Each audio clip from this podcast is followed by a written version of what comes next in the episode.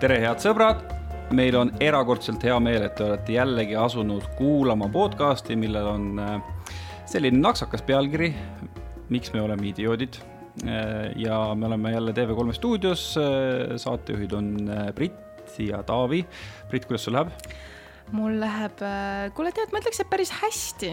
endiselt on väga soe, ma ei ole harjunud sellega, et augustis on vaata nii pikalt on soe mm. -hmm. et kuidagi täitsa sihuke suve, suvevõnked on veel õhus, kuigi see sügis juba koputab uksele, nii et. seda nimetatakse kliima soojenemiseks. palun, kas see nagu see viis sekundit kohe lihtsalt kõmm. ei, ma tean küll jah, see on, see on kurb kuidas, kuidas sul endal läheb? ja läheb ka hästi täitsa hästi läheb, minu jaoks äh, on ikkagi natuke liiga soe, ma pean tunnistama, mulle nii palav ei meeldi. võiks natuke jahedam olla. nii et äh, kliima soojenemise koha pealt ma olen ka jah kurb, et, et see on niimoodi toimunud aga, aga õnneks me täna ei räägi üldse kliima soojenemisest. millest me räägime üldse? täna me räägime äh, võib-olla siis, mõtlen, kuidas siis seda sõnastada, elustiil, mis äh, mille... mis teeb paljusid kadedaks. sest mina pean tunnistama, kui mina olen äh, meie tänase külalise sotsiaalmeediakontosid vaadanud, siis mina olen küll täitsa ausalt kade. no sama siin. täitsa ausalt kade. ei no sa vaatad neid pilte ja, ja siis mõtled, et no kurat, et ma, ma tahan ka, et nagu ma, ma ei taha siin tööl käia. kui ja... Lasnamäe otsa tuled siia kontorisse ja hakkad, nagu, hakkad treima uudiseid ja selle asemel elada natuke teistsugust elu. aga noh, loodetavasti me saame kõik täna natukene targemaks ja, ja natukene ka purustame mingisuguseid eelarvamusi ja müüte. meile on külla tulnud äh, suunamudi ja, ja, ja ka koolitaja Anita Sibul, tere Anita. tere, tere kõigile. ma kõigepealt alustan sellest. Äh, sa oled Jõgevalt pärit? jaa, täitsa sealt. kui kaua sa Jõgeval elasid? Äh, põhikooli lõpuni, siis ma kolisin Tartusse, läksin seal gümnaasiumisse ja siis peale gümnaasiumi lõppu tulin Tallinnasse. mina olen päris olulise osa oma noorusest veetnud Põltsamaal oh. ja ma ei tea, kuidas sealt Jõgeva poolt vaadates, aga, aga Põltsamaa poolt vaadates ikkagi oli Jõgevaga selline väike rivaliteet, et äh, kaks sellist noh, keskmise suurusega linna seal Jõgevamaal oli ja äh, mulle tundub siiamaani ja väga paljudel minu tuttavatel tundub, et Jõgeva on üks Eesti kõige äh, koledamaid linnu ma kahjuks pean nõustuma, sest noh mulle väga, no Jõgeva on ilmselgelt mulle armas koht ja mul on seal oma pere ja omad mälestused, aga aga jaa, ta ei ole ka tõesti kõige ilusam aga kas sul, sul nagu, kui sa seal üles kasvasid, seal on hästi palju sihukest nõukogudeaegset äh, arhitektuuri mm., nüüd on hakatud maju korda tegema, aga endiselt selliseid no nii-öelda äh, suuri paneelmaju ja seal sihukest Eesti-aegset ilusat äh, väikelinna arhitektuuri eriti ei ole. kas sa juba siis mõtlesid, et issand, ma tahaks siit Jõgevalt minema saada ja kas sealt nagu kuidagi sinu selline, selline lend sai ka mõtteliselt alguse, et siia ma küll ei jää hmm.? Ma arvan, et kuigi palju see ikka võis mõjutada, aga kui ma olin päris väike, siis ma tegelikult ei käinud väga palju reisimas ega kuskil, et see hakkas siukse äh, teismelise eas rohkem ja siis, kui ma nägin neid teisi kohti, siis pigem tuli see idee, et oi-oi-oi, siin on ikka palju muud ka. Oi-oi-oi, siin Jõgeval on ikka väga-väga halb elu. Et tegelikult ei ole üldse paljudes väikestes kohtades halb elu, et mm kui inglise keeles öelda, it is what you make out of it, et et on, on igal pool tegelikult võimalusi, neid tuleb lihtsalt ise ka osata näha ja, ja ka oma hinge järgi minna, et mis kellelegi meeldib, et selles mõttes ei ole õiget ega valet. ja, ja ma tahan ka täpsustada, et jõgevalased ei saaks pahaseks minu peale, et, et jõgevalased on väga toredad ja Jõgeval minu meelest on ka noh nii palju, kui ma olen kuulnud ja jälginud äh, praegusel hetkel nagu on võimalik täitsa toimetada, on võimalik töötada, on võimalik oma elu ära elada, lihtsalt võib-olla esteetiliselt kuidagi see arhitektuur on selline, et kui sa sealt läbi sõidad, siis see mõjub trööstituda ja ma tahtsingi teada, et kui sa seal ise ka elad, et kas on sama, sama emotsioon. Ja tuleb välja, et on. no aga siis nüüd ongi, kui me juba enne rääkisime nendest Instagrami piltidest, et sa oled sealt Jõgevalt ju väga kaugele tegelikult äh, jõudnud, et kus sa praegu muidu niimoodi elad, kas sa elad Eestis või sa elad pigem ikkagi välismaal? Tallinnas ikka, noh, Tallinn on see koht, mida ma enda koduks kutsun, et mulle tõesti väga-väga meeldib siin. aga kuidas see siis nii läinud on, et äh, sinust on saanud selline maailmarändur, sisulooja, sulle ka meeldib moega ju väga ikkagi katsetada ja teisi suunata sellel alal, et kuidas sa siia jõudnud oled üldse või mis see nagu teekond selle Jõgeva ja nüüd siis selle praeguse elu vahel on täpsemalt? ähm,? tegelikult kõige alguses, äh, kui Youtube ei olnud üldse Eestiski populaarne, siis ja Youtube minu jaoks oli üleüldse see koht, kus ma lihtsalt vaatasin muusikavideosid ähm,. aga siis äh, kõrvale ju pakub sulle alati neid soovitatud videosid ja sinna tuli ükskord äh, ühe neiu video ja selle nimi oli What's in my bag ehk siis mis mu kotis on. Ja ma mõtlesin, et okei okay,, see ju ei saa mingi muusikavideo olla. Aga ikkagi klikkisin sinna peale ja see video oligi selline, kus neiu istus ja näitas, et mis tal kotis on. Ja see, kui sa ei ole mitte kunagi varem sellist videot näinud, siis sa mõtled, et no issand jumal, keda see veel võiks huvitada. Või täiesti absurd, absurdne peaaegu. Aga see oli nii huvitav ja ma vaatasin veel videosi, ma nägin kõiki neid kommentaare seal all, nende vaatamiste arvu ja ka see tunne, mida ma nendest videotest sain, oli nii positiivne ja nii energiat täis, et see natukene isegi nagu tekitas sõltuvust, et oh, ma tahan veel ja veel ja veel näha. ja lõpuks ma jõudsin selle mõtteni, et appi, aga miks ma ise ei võiks selliseid videosid teha. ja siis, kui ma veel Jõgeval viimast aega elasin, siis ma need esimesed videod ka juba postitasin. aga kuna ma gümnaasiumisse tahtsin Tartu minna, siis sealt see läks edasi ja sellel ajal ka terve gümnaasiumiaja ma väga-väga tugevalt tegelesin Youtube'iga. ja peale seda ma mõtlesin, et ma võtan vaba aasta, ei lähe ülikooli. senimaani ei ole läinud aga. vabast aastast said aastad ja just, just.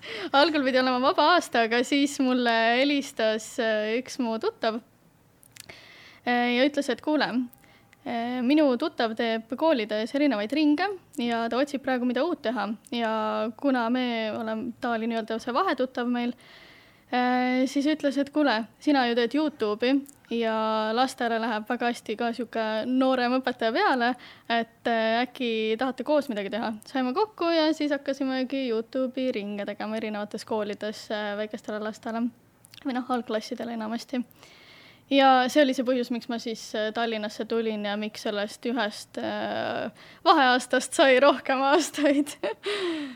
No kui palju sellest praegusel hetkel möödas on?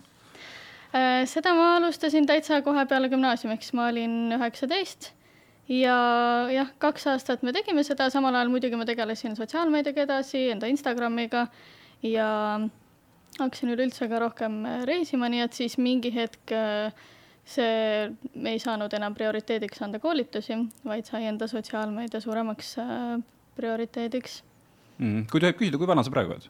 kakskümmend neli. no vot, sama vana kui mina ja mul on niisugune tunne, et juba nii palju rohkem teinud lihtsalt okei okay., see enamus päevadel, kui ma üles ärkan, siis ma tunnen, et, et ma ei ole piisavalt teinud, nii et nii, aga Anita, et millist elu sa siis täna praegu elad või mis, milline näeb välja sinu üks tavaline päev? ma isegi ütleks, et milline näeb välja mu tavaline kuu, sest päevad on kõik noh, väga-väga erinevad, täiesti oleneb, mida on vaja teha.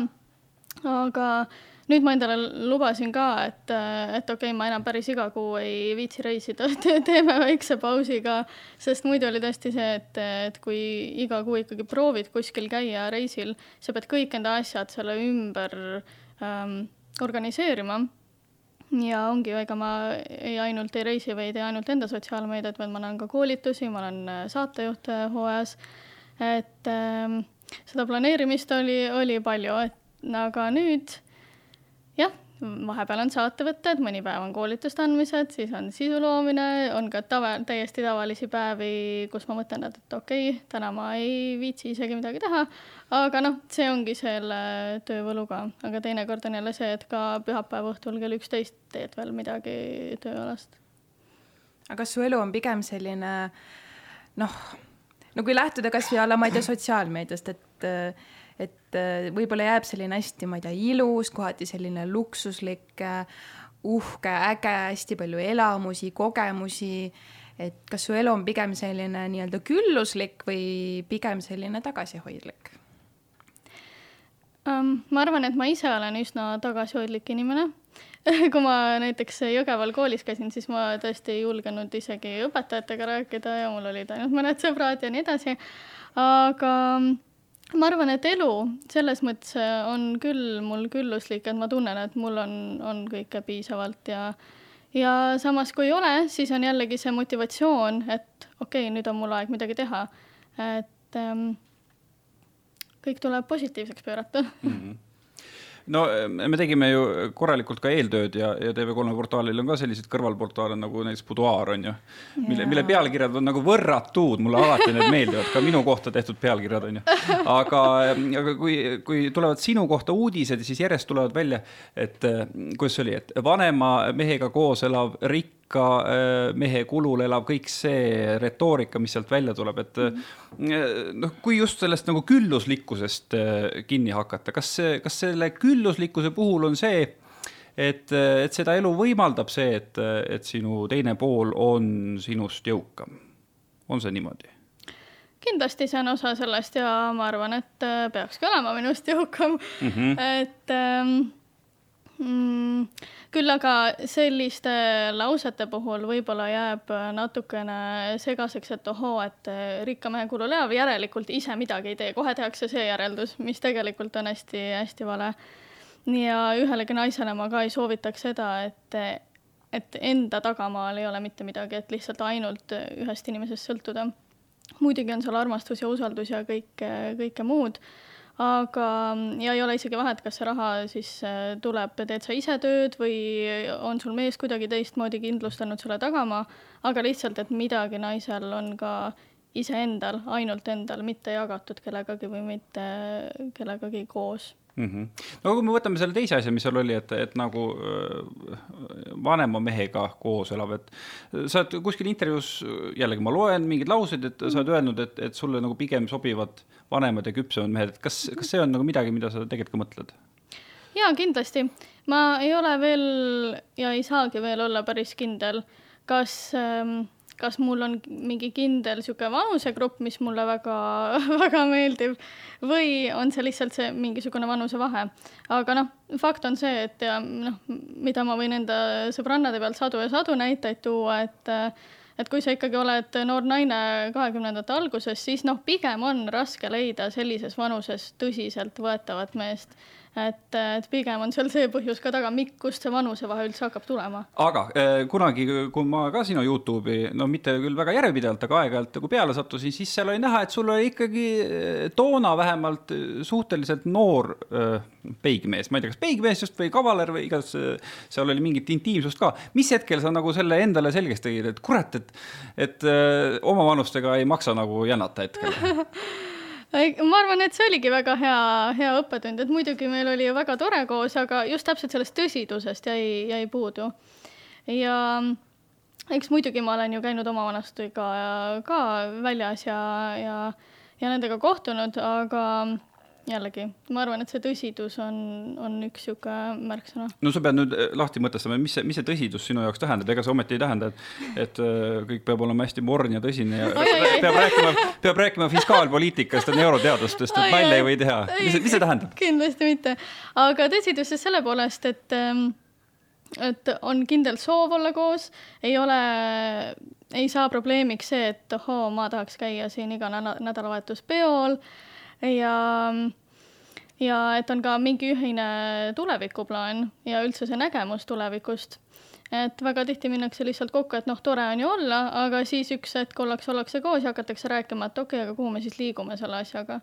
ja siis tuleb välja, et no tegelikult eh, vist on päris erinevad arusaamad, et muidugi on ju palju-palju-palju inimesi, kellega on tore koos olla, aga mingi sügavam mõte võiks ka seal taga olla aga kas sa ei ole kunagi näiteks seda kartnud, et äh, mõni siis, ma ei tea, vanem meesterahvas, kes näiteks, ma ei tea, paneb sulle silma peale või näiteks üritab su tähelepanu kuidagi saada või tahab sinuga reaalselt koos olla, et et, et tema vaatab sind kui no vot, see on see ilus noor naine, keda ma tahan siin enda kõrval, et ka, ka mina saaks tunda ennast äh, nooremana. või no et, et ta ei vaata seda nii, et et näed, siin on, ma ei tea, naine, kellega ma tahan äh, ma ei tea, pere luua ja oma elu ehitada, vaid ta pigem vaatab, et ah, see on see tore mingi noor näitsik ja kui ta umbes kümme-viis aastat vanemaks saab, siis võtan jälle uue noorema naise endale no sellised asjad tulevad tavaliselt suht ruttu välja, et et võib-olla esimesed paar kuud seda mängu on võimalik mängida, aga üldiselt see ikka tuleb väga kiiresti välja. no teine asi, mis on ju ka paljude eh, noh, natuke mitte eakamate, vaid, vaid mitte enam esimeses nooruses meeste puhul, kes on ka edukad, nad on harjunud juhtima oma ettevõtet, nad on harjunud juhtima inimesi enda ümber ja siis võib-olla nad seda noort naist ka tahavad nagu oma käe järgi hakata voolima ja endale nagu õigeks mudima. oled sa sellega kokku puutunud ja kuidas sa seda, kuidas sa seda väldid või, või noh, natukene on ju muidugi tore lastagi ennast vist voolida või? Ma ütleks, et minu kogemusest on pigem teistmoodi, et just see, kui kui on ikkagi mehelik mees ja just see, nagu sa mainisid, et ta on ettevõtlik ja ta tegeleb äh, oma äridega, siis see pool, et ta saab midagi voolida, tal on sellest juba tööalaselt vägagi küllalt. kodus ei taha voolida? Kodus, kodu, kodus ta tahab just seda rahulikkust, naiselikkust ja, ja seda, mida naine saab pakkuda, et, ähm, et pigem, pigem vastupidi. Mm.. Mitu, mitu äh, kavaleri sul on üldse olnud elu jooksul? mõned ikka on kas see number on pigem alla kümne või üle kümne? aa, ikka alla ja, ja. nii, ja kui paljud neist on olnud äh, sinust äh, siis nagu vanemad mehed äh,? ikka enamus ja ma, ma ei ole selles mõttes statistikat teinud, aga noh, ongi Taavi mainis Exceli ühe ära. niimoodi. ja, ja Taavi mainis ühe ära ja minu meelest nagu rohkem ei olegi mm. -hmm. jah noh, tõsisemalt võetavat asja mm. -hmm. no kui minna sinu Instagrami konto peale, siis äh, seal on ka seal, kuidas biograafia öeldakse selle kohta või kuidas see on? no bio jah. bio jah, et seal on ka kirjas, seal on nagu, et see võtmemärk on, on ju, ja mm -hmm. siis on see, et, et no justkui nagu annan nõu naistele, et nad ei peaks kohtingul enda eest maksma või midagi sellist mm. -hmm. no umbes täpselt, kas sul on endal ka selline põhimõte, jah? Äh, see lause on jah, et, et ähm, ma kohe vaatan, mis ma ise vaata jah mul oli selline äh, mälu järgi mm -hmm, väga toore, toore mm -hmm. tõlgendus, aga mis see tegelikult on? jah, elegantne stiil ja reisid naistele, kes ei maksa date idel. no vot, mis see tähendab? Äh, see tähendab seda, et kui ikkagi me räägime mehelikkusest ja naiselikkusest, on ju väga erinevates ähm, printsiipides suhteid et kindlasti ei ole see ainus nii-öelda õige mõtlemisviis, aga see on see viis, mida ma olen leidnud, et mulle väga hästi sobib ja mida ma näen ka väga tihti erinevate naiste kirjade puhul, et ähm, et, et võib-olla see võiks, võiks neid nagu aidata paremuse poole. ja kui me nüüd jah, kui ongi nüüd naiselikkus ja mehelikkus, siis äh, tavaliselt on ikka niimoodi, et mees võiks olla see, kes siis äh, naist püüab äh, saada ja kui ikkagi mees naise välja kutsub, no siis ei ole päris viisakas seda arvet pooleks teha. et sina nagu, kuidas ma ütlen, sina mehi välja ei kutsu? No veel ei ole olnud põhjust neid kutsuda ja. välja, on piisavalt kutseid niisamagi ei, ma mõtlen nagu selle pealt, et, et, et sul ei ole siis silma jäänud ükski selline mees, kelle puhul noh, sa mõtled, kuule, mis asja me mängime siin mängu, on ju, et, et kutsun su välja ja on kohe, et sul on kohe siis niimoodi läinud, et, et. Nagu ma arvan, et jaa, see dünaamika läheb, läheb vähemalt sellest, mida, mida mina soovin, sellest läheb see dünaamika välja, kui ma ise võtaksin selle juhtiva rolli nüüd, et jah, nüüd lähme ja nii edasi kindlasti inimest, on inimesi, kellele sobib, aga mitte mulle mm. -hmm. sa tõid ka välja, et naised on kirjutanud äh, sulle ja, ja siis äh, sulle tundub, et kuidagi neil võiks minna paremini, kui nad seda mõtteviisi mm, -hmm. mõtteviisi nagu järgiksid. mis see siis tähendab, mis neil siis nagu paremini läheb? seda, et neil võiks paremini, seda ma võtan täiesti nende enda kirjadest, sest nad kirjutavad mulle, et nad on kurvad, nad on õnnetud, rahuldamatud ja nii edasi et ja täpselt need asjad, mida nad välja toovad, et samamoodi nad ongi, kirjutavadki mulle, nad on kurvad, sellepärast et kuule, et neil näiteks mees ei tee kingitusi või ei vii välja või ei näita piisavalt tähelepanu. et, ehm, et eh, tihtipeale on ka see probleem saanudki alguse sellest, et et naine on võib-olla võtnud mingisugused rollid liiga enda kanda ja la mitte lasknud ka mehel olla piisavalt mees mm. -hmm. oota, aga mis sa siis soovitad neile? Mis sa siis vastad nagu? no kõik tegelikult algab ju meist endast, et võib-olla see ei ole kõige parem asi, mida iga kord öelda ja mida nii-öelda alla neelata, aga kõik, mis meie elus on, me ju ise laseme sellel juhtuda, on ju. et kus me käime tööl, see on ju see, mida me laseme ja mida me teeme enda eluga, kellega me koos oleme, nii edasi, nii edasi. Et, et kõik algab ikka iseendast ja kui lõpuks avastadki, et issand, ma olen täiesti valedel ähm, vundamentidel selle suhte üles äh, seadnud, noh siis on väga-väga viimane aeg sellest väga tõsiselt rääkida või siis teinekord ongi see, et, et on vaja lahku minna ja teha teistmoodi, aga paremini, teinekord paremini. no aga võtame sealt algusest peale ja saame no, kohe filosofeerida ja, ja mm -hmm. mingeid asju ka kohe hakata murdma, et et äh, kui sinu puhul on nagu eeldus, et mees on su välja kutsunud ja äh, ta maksabki kohtingu eest või kui naisterahvas mm -hmm. võtab selle endale, kas ja millisel juhul võib siis mees äh, vastu eeldada, et tema poolt on materiaalsus ja nüüd naine peab vastuma intiimsusega? Ma arvan, et see on, see on väga vale selles mõttes, et et nüüd, et kui mees mõtleb, et ta nüüd millegi eest maksis ja selle eest ta ootab midagi vastu, siis tegelikult see ei ole siiras ju.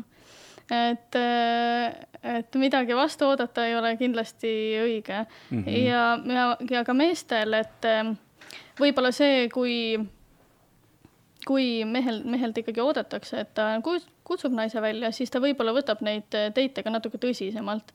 et ei käida lihtsalt igasuguse või igaühega illala-trullala, vaid äh, mõeldakse, et okei okay,, mul on ka siin oma commitment ja oma osa täita ja ma valin ka tõsisemalt, mis tegelikult üldkokkuvõttes muudab kõiki, kõikide teite rohkem mm, sisukamaks mm. -hmm et sa ei lähe, kurat, iga päev mingi uue Tinderi tšikiga kuhugi jalutama, et kui sa teedki ühe korraliku kalli date'i, võtad selle naise, kellega sa tõesti nagu tahad, et midagi saaks ja viid ta kallisse restorani ja maksad selle eest, see juba näitabki pühendumist natuke, jah? mingis mõttes kindlasti, aga see, see ei ole, see ei ole muidugi ainus asi ja ja. no ma utreerin natuke mm. -hmm, mm -hmm. ja kindlasti see ei, ei tähenda ka seda, et see peaks iga kord olema nagu mingi väga-väga kallis koht või ei pea olema hundred eighty degrees iga kord. aga siiski sa ju näitad ka austust selle inimese vastu, et kuhu sa ta viid, et noh, on suur vahe, kas sa ütled naisele, et kuule, lähme McDrive'i mhm. või kuule, lähme võib-olla mõnda vanalinna restorani no ma kohe küsin teise kahekümne nelja aastase naisrahva käest, kes, kes siin stuudios on, et, et kui, kuidas nagu sinu senises elus on olnud see, see mm, kohtingutel tasumise jagamine ja milline sinu mõtteviis on olnud sellega seoses hmm. nagu mõnes mõttes äh, ma tunnen, et võib-olla see esi, noh, kõige esimene kohting, noh, kui näiteks tõesti mees kutsub äh, naise välja äh, ja, ja, ja ta pakubki, et tema maksab siis noh, ma ei tea, toidu, joogi, noh, erinevate asjade eest. ma arvan, et see on igati okei okay., nagu minu silmis see näitab, et okei okay,, et see mees on viisakas, tal on ikkagi kombed, ta peab minust nagu lugu noh, see on, mulle see mõjub, et okei okay,, see on selline positiivne sihuke žest on ju, et ma teen, et mm -hmm. näed, et ma kutsusin su välja, sa ei pea oma arvet ise tasuma, et äh, ma olen väga tänulik, et äh, su seltskond on mul olemas. ja noh, samas muidugi ma olen Anitaga täiesti nõus, et samal ajal, kui see mees peaks siis eeldama, et äh, et ma kohe kuidagi seksuaalselt talle mingisuguse teene vastu teen, see ei ole okei okay,, sest et ma ei võlgna sellele mehele mitte midagi et lihtsalt vahel ma tunnen, et naised tunnevad väga tihti seda survet, et ja, näed, et mees viis mu kohtingule ja maksis veel asjad kinni, issand, nüüd ma pean ju magama kohe temaga. no tegelikult ei pea, sa ei pea mitte midagi tegema, sa ei pea isegi mm -hmm. suudlema teda, kui sa ei taha. aga kuna mina ja mu elukaaslane, me oleme ikkagi väga kaua koos olnud ja me, meist kumbki ei ole nüüd märgatavalt jõukam kui teine, noh, me oleme ikkagi umbes samas nagu äh, klassis nii-öelda oma sissetulekutega, siis meil on lihtsalt see, et kui ei ole mingi erandjuhtum, et, et kumbki on teisele, näed, et kallis, et see on minu kulul või mis iganes, siis me teeme asjad pooleks, et lihtsalt, sest et meist ei ole kumbki teisest eh, nii palju jõukam, et me saaksime seda lubada endale, et me kogu aeg teineteise arveid kinni maksame, noh, see lihtsalt on nii. aga selles suhtes, et mulle mõnes mõttes meeldib see mõtteviis et äh, tõesti, et kui on see esimene kohting, et mees maksab, kui mees kutsub või no see, kes kutsub, see võiks ju teoorias nagu maksta, et kui naine kutsub, noh, miks mitte, onju. noh, kui, kui vähegi see jõukus ja kapital nagu olemas on selles suhtes. aga ma arvan, et noh, mina ka lihtsalt vägagi pooldan seda mõtteviisi, et arve tehakse ilusti sõbralikult nagu pooleks ja noh, ei ole sellest hullu midagi, ma arvan, see on kõik kokkulepete küsimus, vaata kuidas nagu osapooled nõus on.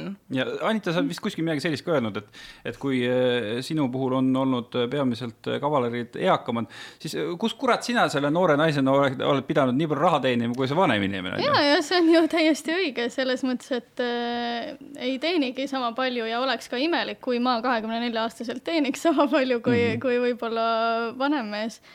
et ähm, et sihuke palkade järgi vaatamine on ka, ma arvan, igati okei. Okay jah, ehk siis kohti kaalus, palgatšekid võtame kaasa. Töölepingud vaatame üle ja siis hakkame protsente arvutama, okei okay,, see on nali. konto väljavõte, see on nagu, see on see esimene asi, vaata nii, et, et kutsub, mees kutsub vaata välja, et sa ei küsi a la, kui pikk sa oled või kus sa töötad, sihuke, et nii, konto väljavõte, palun nagu kohe laua nii, ma nüüd küsin võib-olla väga lolli ja robustse küsimuse, aga see lihtsalt huvitab mind. Mm, -hmm. et kust siis leiab selliseid mehi, kes on jõukamad ja vanemad, kas kuskil on mingi äh, dating sait, millest ma ei ole teadlik või kas kuskil on mingi klubi, kus siuksed inimesed käivad või no kust, kust siukseid mehi leiab?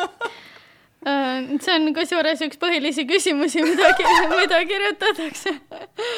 Kõikide naiste kirjad algavad sellega, kust leiab? Aga jällegi, esimene asi on ikkagi iseenda, hakkab, kõik hakkab ju iseendast. milline sa välja näed, kuidas sa käitud äh,? Äh, millised su käitumisnormid on äh,, manners, mis see eesti keeles on? kombed. kombed, kombed jah. et äh, see on esimene punkt äh,. sest noh me võime ju vaadata seda ka teistpidi, et aga kuhu siis läheb nagu siis jõukam mees, kus ta siis käib või, või mida ta siis otsib, mida ta vaatab, et võib-olla see on isegi kõige parem küsimus, mida ta otsib, mida tal äh, vaja oleks.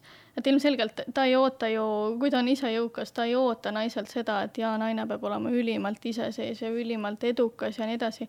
kindlasti see ei tähenda seda, et ei peaks olema intelligentne ja, ja kombekas ja, ja hea inimene aga, aga ma arvan, et see sihuke oh I m a boss babe, everybody should want me, ma, ma arvan, et see mõtteviis nagu mehe saamisel väga palju ei aita, sest lihtsalt see on kõik väga-väga äge, kui naine on edukas ja see on ainult ju positiivne, aga lihtsalt mehe otsimise vaatepunktist see see ei anna nagu mida, midagi juurde sellele, et, et, et seda öelda ja seda nagu pidevalt rõhutada, et võib-olla isegi teinekord paneb äh, meest natukene halvasti tundma, et oo, et aga miks sa pead mulle kogu aeg nagu seda suruma umbes äh, lõua alla, et oi-oi, vaata, vaata, mina olen ikka nii iseseisev ja mina teen ikka seda ja mina teen ikka seda, et see tegelikult ju näitab äh, naise ebakindlust mitte midagi muud, et ma ju tean, et ma olen iseseisev, ma tean, ma saan ise hakkama, mul on oma asjad ja nii edasi, et ma ei pea seda kellelegi kogu aeg meelde tuletama. noh, sama võib-olla meeste koha pealt, et sa võib-olla oskad äh,, oskad nagu nõustuda, et kui on mingi mees, kes kogu aeg korrutab seda, et oo, vaata, ma olen nii enesekindel, oo jaa, ma olen sihuke, ma olen sihuke mees. no see on ju esimene red flag sellest, et kuule, siin on midagi nagu mäda, et päris, päris nii see ikka ei ole, et kui sa oled päriselt enesekindel, sa ei pea seda niimoodi välja ütlema mm. -hmm. oota, see oli väga hea ja, ja sisukas vastus, aga mis, mis see vastus oli, et kuskohast neid mehi siis leiab ja kui nüüd endaga on ikka töö tehtud ja enesekindlus on äh, maksimumis, siis noh kus need mehed siis ikka käivad, on ju, eks, eks põhiline asi on, on see, et kvaliteetsetes kohtades, sest ega ju võime jälle siin enda näite võtta, et kui, kui me ise oleme teinud tööd ja mingisuguse elustiili või leveli äh, saavutanud, siis me ka ju käime paremates kohtades ja tahame head toitu nautida, head, häid kokteile, mis iganes, et ma arvan, kõige lihtsam on ikka sellised kohad, kuhu minnakse juba sellise mõtteviisiga, et, et võiks kellegagi tutvuda.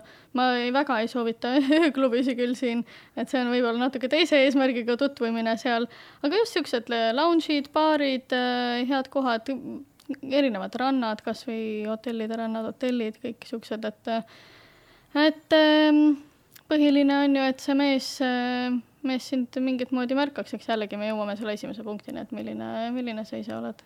ehk laias laastus Eestis on ikka pagana keeruline, mulle õudselt meeldib see värk, et sa oled nagu Jõgevalt pärit, et see annab igasuguseid mm -hmm. võrdlusi teha.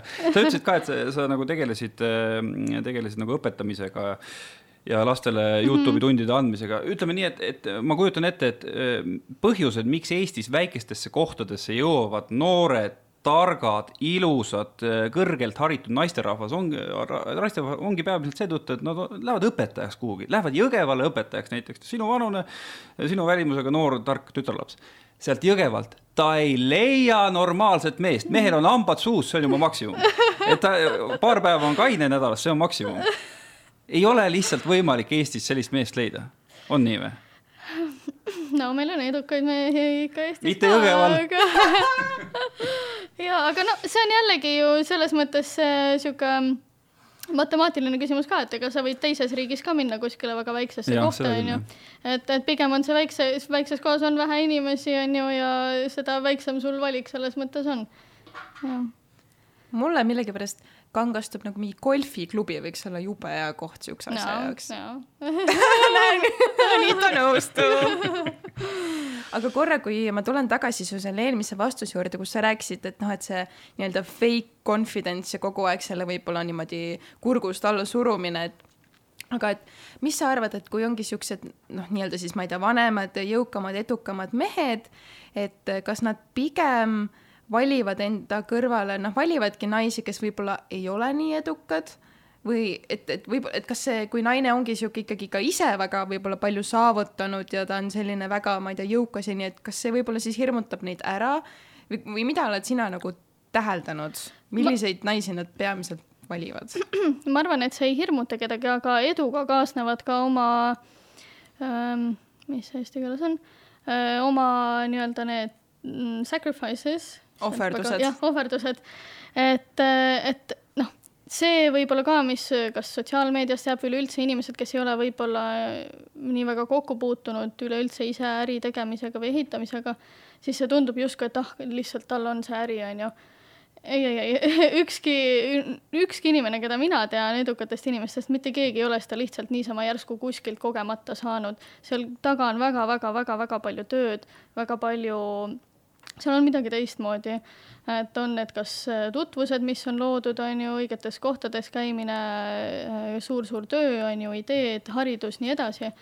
et ähm, need on ohverdused, mida lihtsalt peab tooma ja ma arvan, et äh, see edu, jõukas mees on need asjad kõik ise juba läbi teinud ja mm, see ohverdus tuleb ka aja poole pealt et võib-olla see on see takistus või miks nad teinekord võib-olla mõtlevad, et noh, et, et tõesti niisugune väga-väga-väga edukas naine ähm, võib-olla ajaliselt ei saa lihtsalt nii palju panustada suhtesse, perekonda.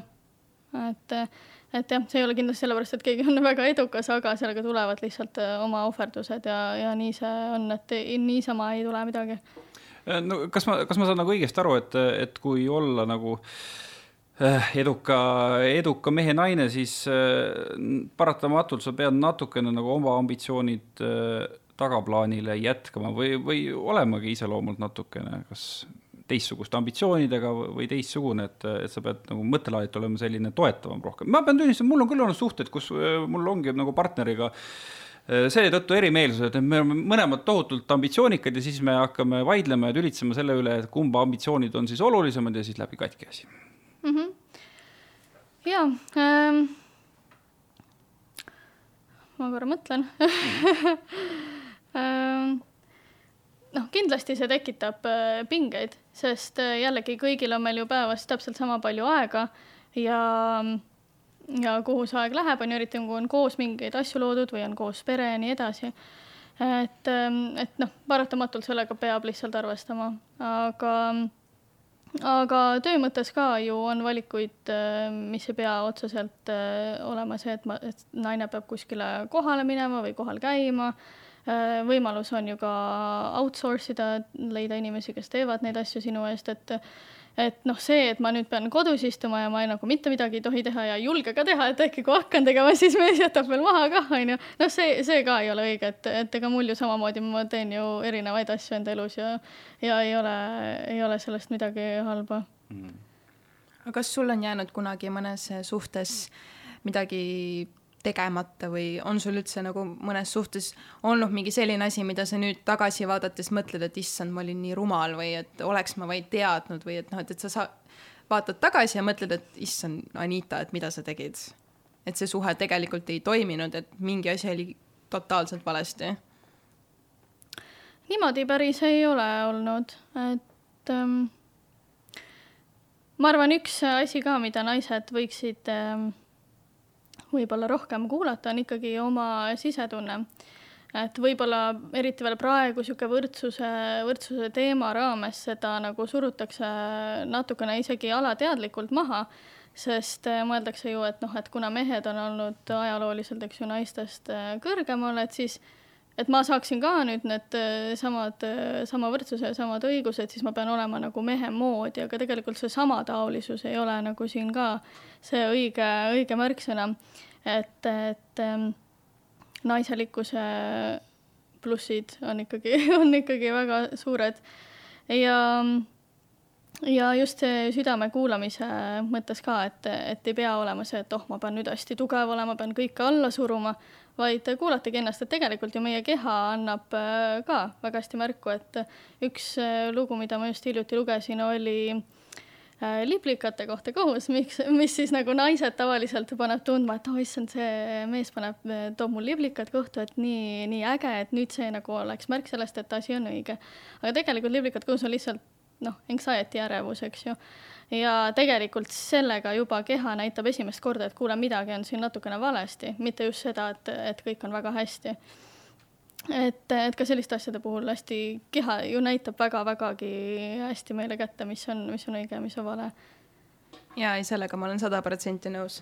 ma olen seda nii palju täheldanud, et kui on mingid inimesed minu elus olnud, kes tegelikult on valed minu jaoks või kellega ma tegelikult ei peaks nagu läbi käima, siis mul oli alati iga kord kõhus hakkas hullult keerama ja valutama ja see tohutu ärevus tuli sisse ja ma algul ei saanud sellest üldse aru, ma, ma mõtlesin ka ise, et oh, ju ma olen siis väga elevil seda mm -hmm. inimest näha, aga pärast ma mõistsin, et, et tegelikult mu keha ütles mulle, et stay the fuck away.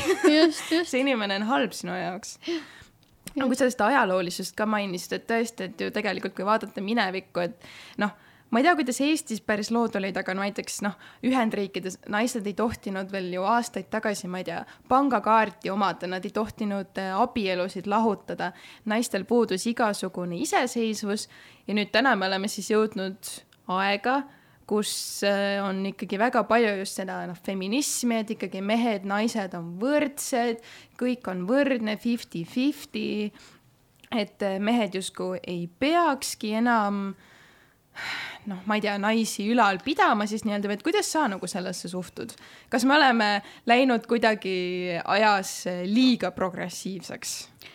võrdsus ja võrdsed võimalused on, on väga hea ja praegu selles mõttes me oleme ju selle saavutanud, et igaüks saab teha äh, minna sellele tööle, mis ta soovib, õppida seda, mis ta soovib, ei ole seda, et naised ei või mingit ala õppida ja nii edasi. aga võrdsed võimalused ei tähenda seda, et me oleks nüüd järsku samasugused. et ähm, endiselt naised sünnitavad, endiselt naistel on iga kuu päevad, endiselt meie hormoonid, meeste hormoonid, naiste hormoonid käivad hoopis teistmoodi. et seda bioloogiat seal taga me ei saa ju ära kaotada.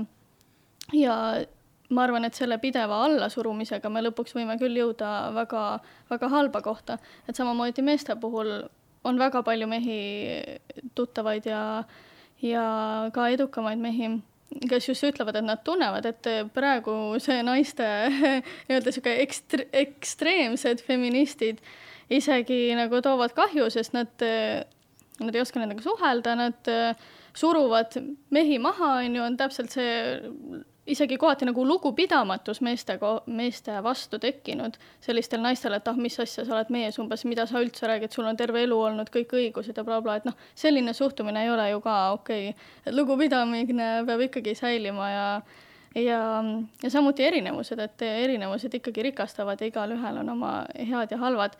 Ja sellega arvestamine ja selle ümberelamine on võib-olla see, mida me peaksime ühiskonnas äh, õppima ühesõnaga, ekstreemne feminism on midagi, mida sa ei toeta?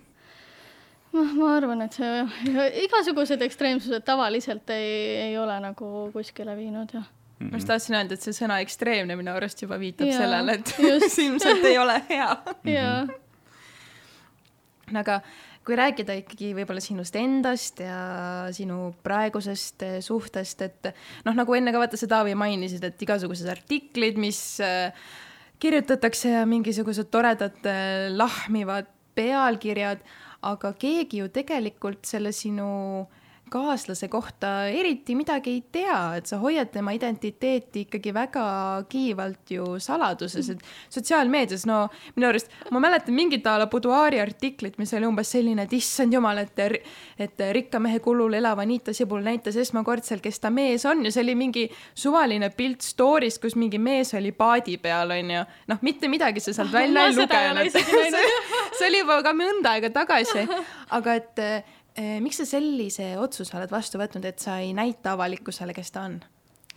ma arvan, et kes iganes see mees seal paadi peal oli, see ei olnud kohe kindlasti minu meelest, sest ma meelega ikkagi ei näita ja see on tõesti jah, äh, taotluslik otsus, et ähm, Äh, üks, üks äh, hea tsitaat mul tuli just äh, Tiktokis, sihuke, kust kõik väga valuable information on, eks ju, tuleb, aga Kein oli naljaks, et seal tuli just sihuke tsitaat, et, et ma ei müü oma meest, siis miks ma peaks teda reklaamima. või et ma ei taha oma meest lahti saada, et miks ma siis teda ikka reklaamin. ja tõesti, et kui ma olen leidnud inimese, kes ei ole avaliku elu tegelane, teda see ei huvita, tal ei ole vaja seda, ta noh see ei ole tema elu, see ei ole tema tegemised, et siis ähm, võib-olla tema niisugune tõmbamine sellesse ei ole ka päris õige, et tema on ikkagi oma elu elanud äh, teistmoodi ja just see üksteise piiride austamine. et samamoodi ju tema tegelikult peab äh, mitte leppima, aga arvestama sellega, et, et minust tehakse vahepeal uudiseid või mingisuguseid lugusid et ähm, ma arvan, et see ei ole õige teist inimest, kui ta just ise soovi ei avalda selle kohta, siis ma arvan, et see ei ole, ei ole õige hakata siin midagi väga reklaamima või näitama.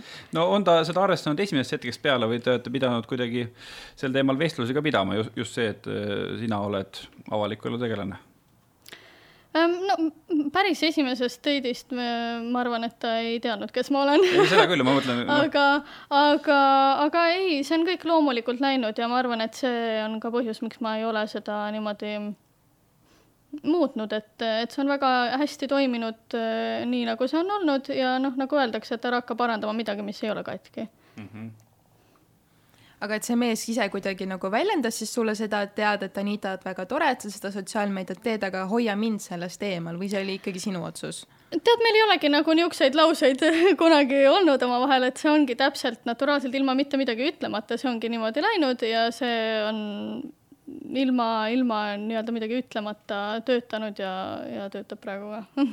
aga kas ta on eestlane või välismaalane? välismaalane, jah no näed, vaata, Taavisel ei ole õigus, Eestist ei leia selliseid mehi. Jõgevalt ei leia aga Eestis käib välismaalasi ka. aga kui kaua te üldse koos olete olnud? Äh, tead, ma ei saa liiga palju vihjeid öelda, siis, siis on see, et tublimad lähevad äh, scroll ima ja vaatama ja mõt-, no see on jälle see, et sa annad ühe vihje siin, ühe vihje seal ja siis lõpuks ikka pannakse pilt kokku, nii et ja, ja need pusletükikesed kuskil on agarad Kroonika kuulajad kohe hakkavad oh, nuhkima. Oh aga kuidas äh, sa mainisid enne, et sul on endal ju ka mingi kapital on ju, et sa ise ikkagi ka teenid raha ja see, et et on äh, naine, kes äh, nii-öelda paneb siis ennast täiesti mehe kätesse, kellel puudub endal igasugune selline seljatagune, et see ei ole see sinu stiil et mm, -mm. et teil on ikkagi asjad kuidagi siis nagu ära jaotatud, et või on teil kuidagi või mis kokkulepped teil siis üldse seal nagu on ähm,? seda ma tõesti ei soovita naistele, et, et enda selja taga nagu mitte midagi ei ole. mul on ka selle kohta tulnud kirju, noh, need on ikka väga kurvad kirjad, et, et kui on tõesti põhimõtteliselt nagu tänavale jäetud, jäädud ähm,. Aga noh, jällegi siin ei ole nagu mitte kedagi muud süüdistada, kui ise me ju oleme seal olukorras ja ise me peame võtma vastutuse. ja eks iga asi õpetab midagi. ja noh, tegelikult lõpuks on ikkagi nende asjade taga see naiivsus või siis sihuke mm, teadmatus ähm, aga nii, sa küsisid et kuidas ah, kuidas meil jaotatud on ju või noh, et, et kas see pealkiri a la rikka mehe kulul elav, no see, kas see on siis ikkagi tõesti nii, et, et kõik su kulud on kaetud või sa ikkagi oma nii-öelda teenitud palgast, ma ei tea, maksad ka oma mingeid asju nii-öelda kinni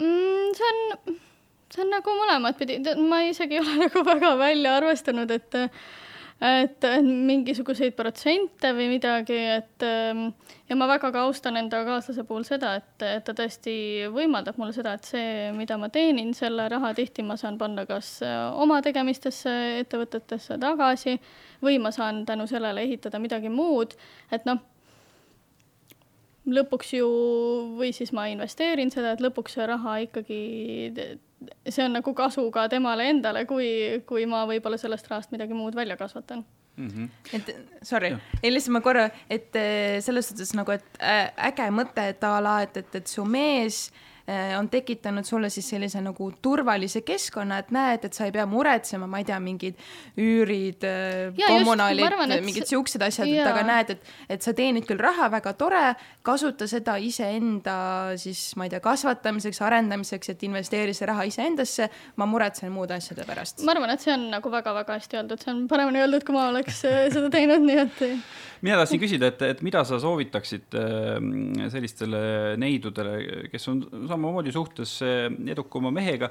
Me, ja, ja noh, võib ju juhtuda, et see asi läheb lörri ja minul on küll igatahes paar tuttavat, kes on eh, küll Eesti meestega olnud suhtes, kes on, kes on nagu rikkamad ja kelle puhul pärast hakkab mees nagu midagi tagasi nõudma, nagu kohe materiaalselt, et kas nagu suhte ajal või suhte alguses sa soovitad kuidagi läbi rääkida või lausa, ma ei tea, paberile panna mingid asjad, et ühel hetkel ei ole selline asi, et sa jääd sellest mehest ilma, pead minema keskmise palgaga tööle ja siis pead iga kuu veel mingit raha hakkama tagasi maksma kuidas seda vältida?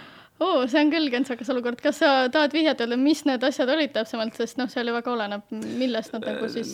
seal oli konkreetselt äh,, oli nagu mees äh, seoses äh, eluasemega aidanud mingisuguse osa, kas võlast või mingist asjast nagu kinni maksta, no mm -hmm. oli, noh, ei olnud nagu mingit lepingut tehtud, et davai, et ma maksan sulle kinni, niisuguse neljakohalise summa Äh, ja, ja sa ei pea seda tagasi maksma, aga kui see suhe läbi sai, siis okei okay. mm. -hmm. no niisuguste asjade puhul kindlasti leping ja, sest noh, see on, see on juba, siin on täpselt samamoodi tulevad mängu need seadused on ju, et miks mm, -hmm. miks, miks tihti naised on jäänud, äh, on tänavale või, või siis midagi väga suurt kaotanud ongi see, et, et seaduse silmis on ikka üks asi, on ju, ja mm, -hmm. ja kunagi ju ei tea, mis, kui suur see lõputüli seal võib olla, on ju, või kui vihaseks või, või mida see naine võib-olla on ka teinud, on ju, et noh, jällegi suhtes on kaks poolt. et, et niisuguste asjade puhul kindlasti, et mis, mis seaduse järgi peavad olema, et vahet ei ole ju, kes võtab laenu või, või, või või liisib autot, mida iganes, et seal kõige taga on ju lepingud, et see, see on küll asi, niisuguse asja puhul peaks olema siis ka omavahel leping, sest kuna see lihtsalt on nii seaduse, seaduse järgi mm. -hmm. nii et kui äh, ikkagi südamed on silmis, siis äh, päris kõike ei tasu ära unustada, et äh, jah, seda naiivsust ei maksa liiga, liiga ligi ja lasta. Ja noh, tegelikult on ju see, et võib-olla mõeldakse, et oh, see on nüüd nii ebaromantiline, kuidas ma siis lähen kaaslase juurde, ütlen, et kuule, et allkirjasta nüüd see leping, on ju, aga noh, tegelikult on ju see, et kui kaaslane sind tõesti armastab ja ta siiralt tahab sind aidata, siis tal ei ole ju probleemi mingit lepingut allkirjastada, kui ta nii või naa plaanis sind aidata. et see ei ole mingisugune pressimine või väljapressimine, vaid ta ise pakkus seda ja nüüd ta lihtsalt kinnitab paberiga, et ta, et ta seda ka päriselt teeb, et noh, selles ei ole, ma arvan, mitte midagi imelikku ja see, kui ta nüüd hakkaks seda tagasi ajama, et ei, ei, mis asja, ma küll ei allkirjasta, ma võin sulle raha anda, aga ei, ma ei allkirjasta, pigem on see ju red flag, et mis seal siis teistmoodi on, on ju mhm. ma tahaks nüüd äh, mehe perspektiivist ka natukene rääkida, me oleme hästi palju rääkinud naiste perspektiivist, ma kujutan ette, kui üks äh, kahekümne kuue aastane noormees, kes on niisugune tubli poiss, et tal läheb nagu hästi ja ta üritab saada edukast, väga edukas ei ole, aga liigub selles suunas, nüüd kuulab et kahekümne nelja aastane võluv äh, Anita räägib siin sellest, et, äh, et ta nagu tunneb, et vanemad mehed on talle nagu ka vaimselt võrdsemad partnerid, on ju. Äh, siis ta tahab, et talle kohtingul nagu välja tehtaks, et oleks selline materiaalne tuge. mida see kahekümne kuue aastane noormees nagu peaks tegema, kui ta kohtab endast paar aastat nooremat, ütleme siis sinusugust naisterahvast, et julgusta nüüd seda noormeest, et mi, mi, mi, kuidas ta ka nagu saaks löögile kuule, kahekümne kuue aastane noormees, ta võiks ju elu nautida ja, ja sarvi joosta maha ja. no sama võiks sinu kohta öelda, väga paljud kahekümne kuue aastased noormed ei taha sarvi maha joosta, nad tahavad endale ilusat äh, tarka naist äh,, natukene endast nooremat, vot mida, mida nagu nendega teha hmm.? noh, selles mõttes, et äh, Nendega sajaprotsendiliselt ei saa tõesti kellelegi öelda, et jaa, kõik noored on siuksed ja kõik, kõik vanemad on siuksed mm, -hmm. on ju, et, et tõesti ka, kui sa võtad endale vanema mehe, siis sa ei saa eeldada alati, et jaa, et alati ta on edukas või alati ta on, on väga täiskasvanulik ja nii edasi. aga noorema puhul mina ütleks, et tee, tee rohkem tööd ja, ja keskendu reaalselt karjäärile, sest see on see aeg, kus on seda kõige lihtsam ja kõige parem aeg teha, sul on kõik see energia, kõik see aeg. et miks mitte nagu seda ressurssi sinna suunata mm. -hmm. saa rikkaks lühidalt. ja, jah saa rikkaks ja ära mölise täpselt nii, Taavi, võta õppust no ma, minul on kakskümmend kuus õnneks ammu-ammu möödas juba ah,. sinu rong on niikuinii läinud juba onju, enam sa edukaks ei saa. aga võib-olla noh, kui kõik need siuksed ähm, buduaari mingid kohutavad äh, ikkagi kriitilise alatooniga pealkirjad, üleüldse võib-olla ühiskonnakriitikad. ah, mis see sibul, vaata, et ta ei viitsi umbes tööd teha, elab siin mm. mehe kulul, mis iganes, noh, inimesed, kes ei tea seda lugu. aga võib-olla, ma ei tea, su sõbrad perelähedased, kuidas nemad äh, suhtuvad sinu valikutesse või sinu elustiili? no nad ju näevad, mida ma teen, et ma arvan, et enamus ähm, nende kommentaariumite ja kommentaaride tagamaa on ka see, et inimesed lihtsalt ei tea. ja needsamad inimesed ju ilmselgelt äh, ei jälgi mind, nad ei vaata mu tegemisi igapäevaselt äh, ja nii edasi, et noh ja ma isegi ei saa seda nagu pahaks panna, et noh, sa ei tea, sa lihtsalt äh, kommenteerid, no mis seal ikka.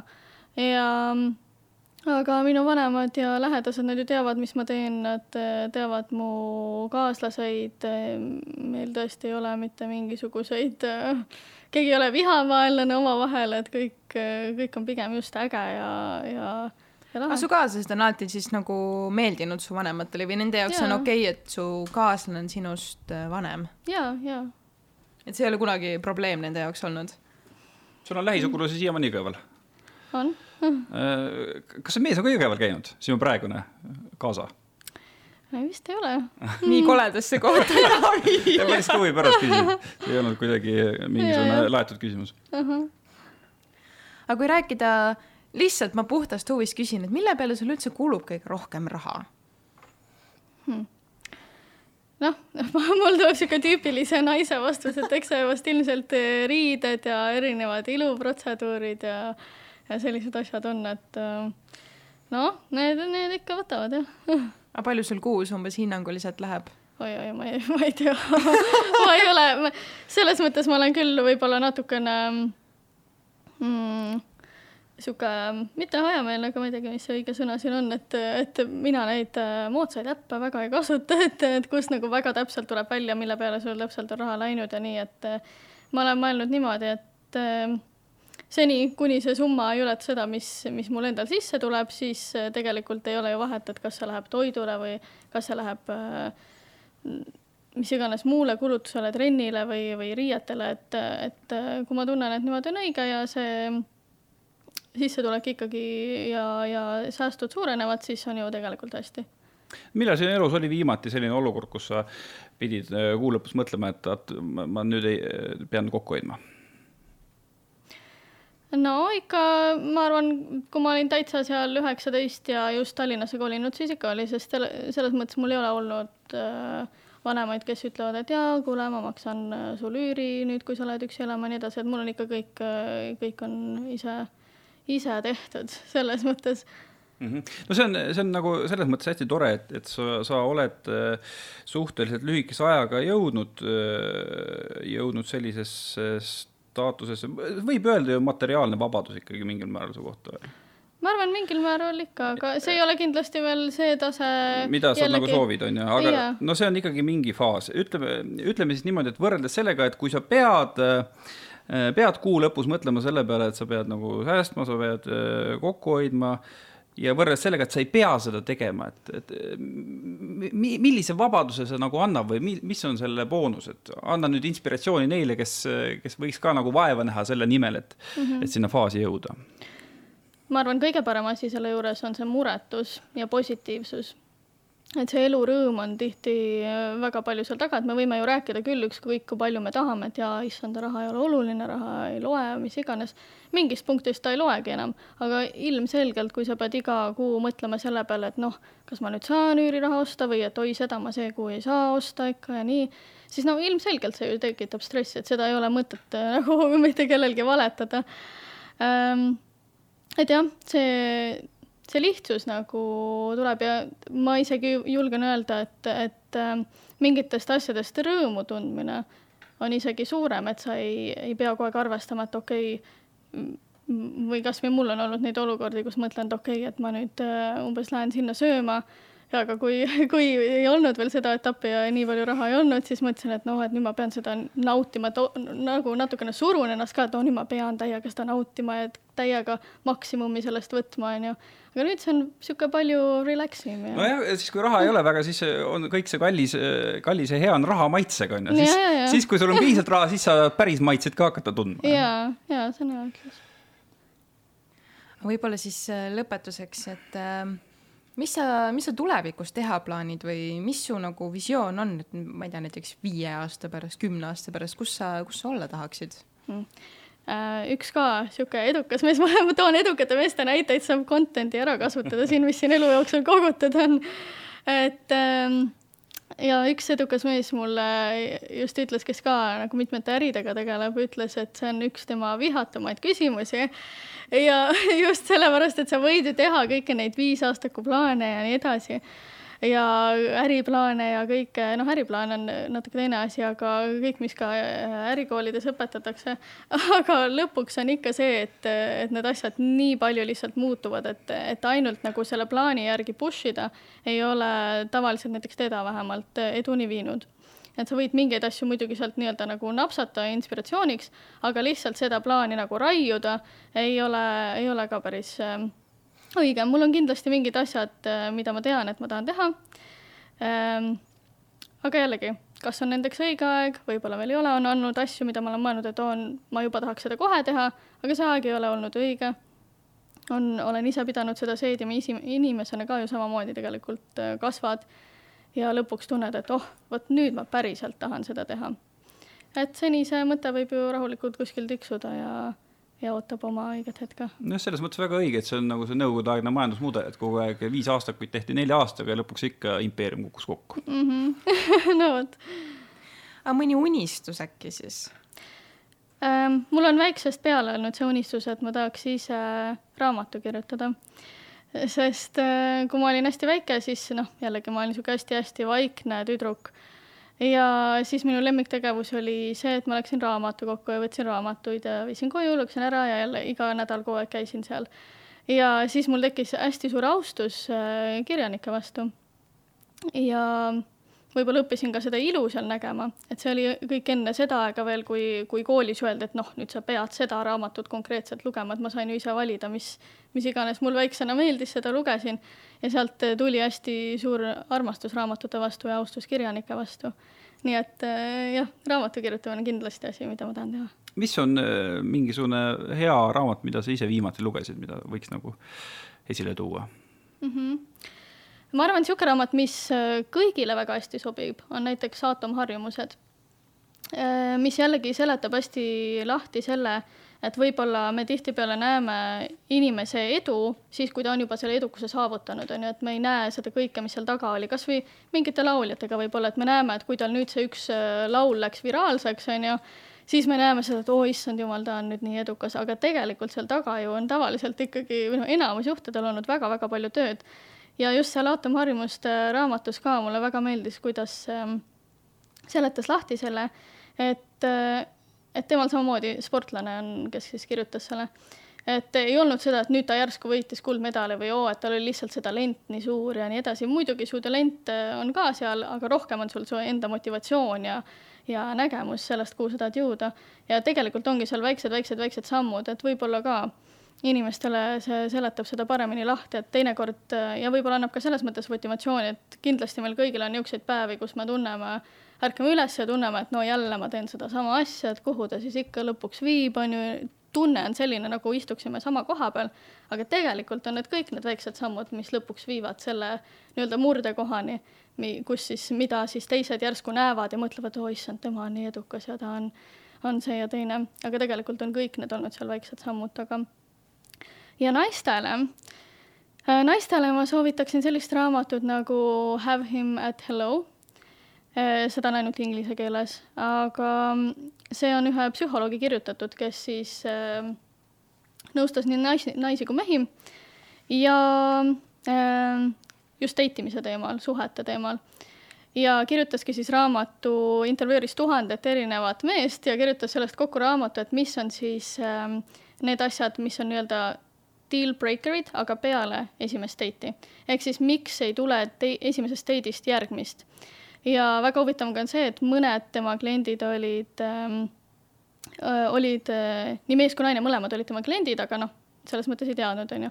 nii et ta sai mõlemapoolse selle vaate ja kui ta küsis naiselt, et no miks sa arvad, miks see mees ei kutsunud, sind järgmisele date'ile, siis naine tavaliselt ütles midagi hoopis teist, mis oli see tegelik, miks tegelikult mees ei kutsunud, et see on hästi huvitava vaate annab ja võib-olla naistele ka annab rohkem aimu sellest meeste mõttemaailmast, et et tihti me ise vaatame asju ühtemoodi, aga et, et näha seda ka teiselt. no anna mekutamiseks siis üks asi, mis sealt raamatust nagu välja tuli, mis, mis äh, tihtipeale viib selleni, et mees ei kutsu teist korda mm. -hmm.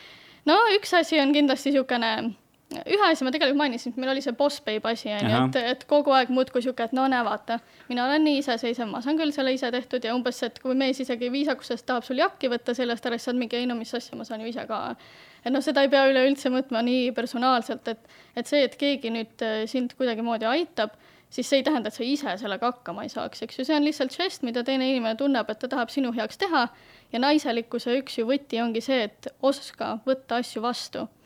et niisugune raiumine ja nii-öelda ukse kinni trampimine kindlasti ei aita.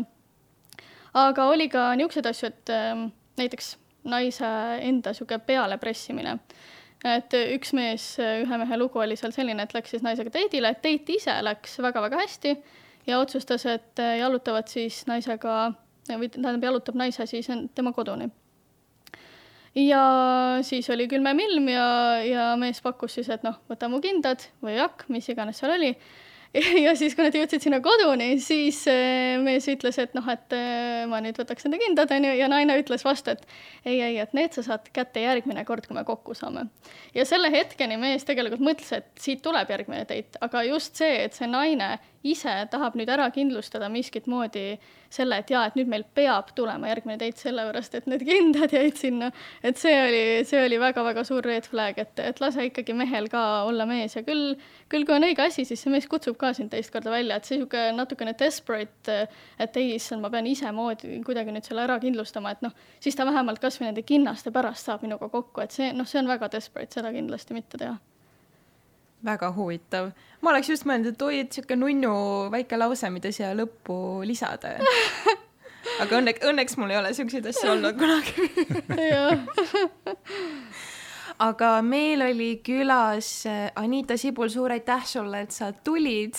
väga Leid, tore oli leidsid ajad meiega vestelda ja jah, siis on vist järgmise korrani lihtsalt. vist küll, jah nautige suve lõppu ja, ja kui te ei ole eelmise episoodi kuulanud, siis kuulake kõik ilusasti järele, saate suvistel jalustuskäikudel äh, äh, kõvasti kaasa mõelda ja kuulata ja järgmisel esmaspäeval kohtume.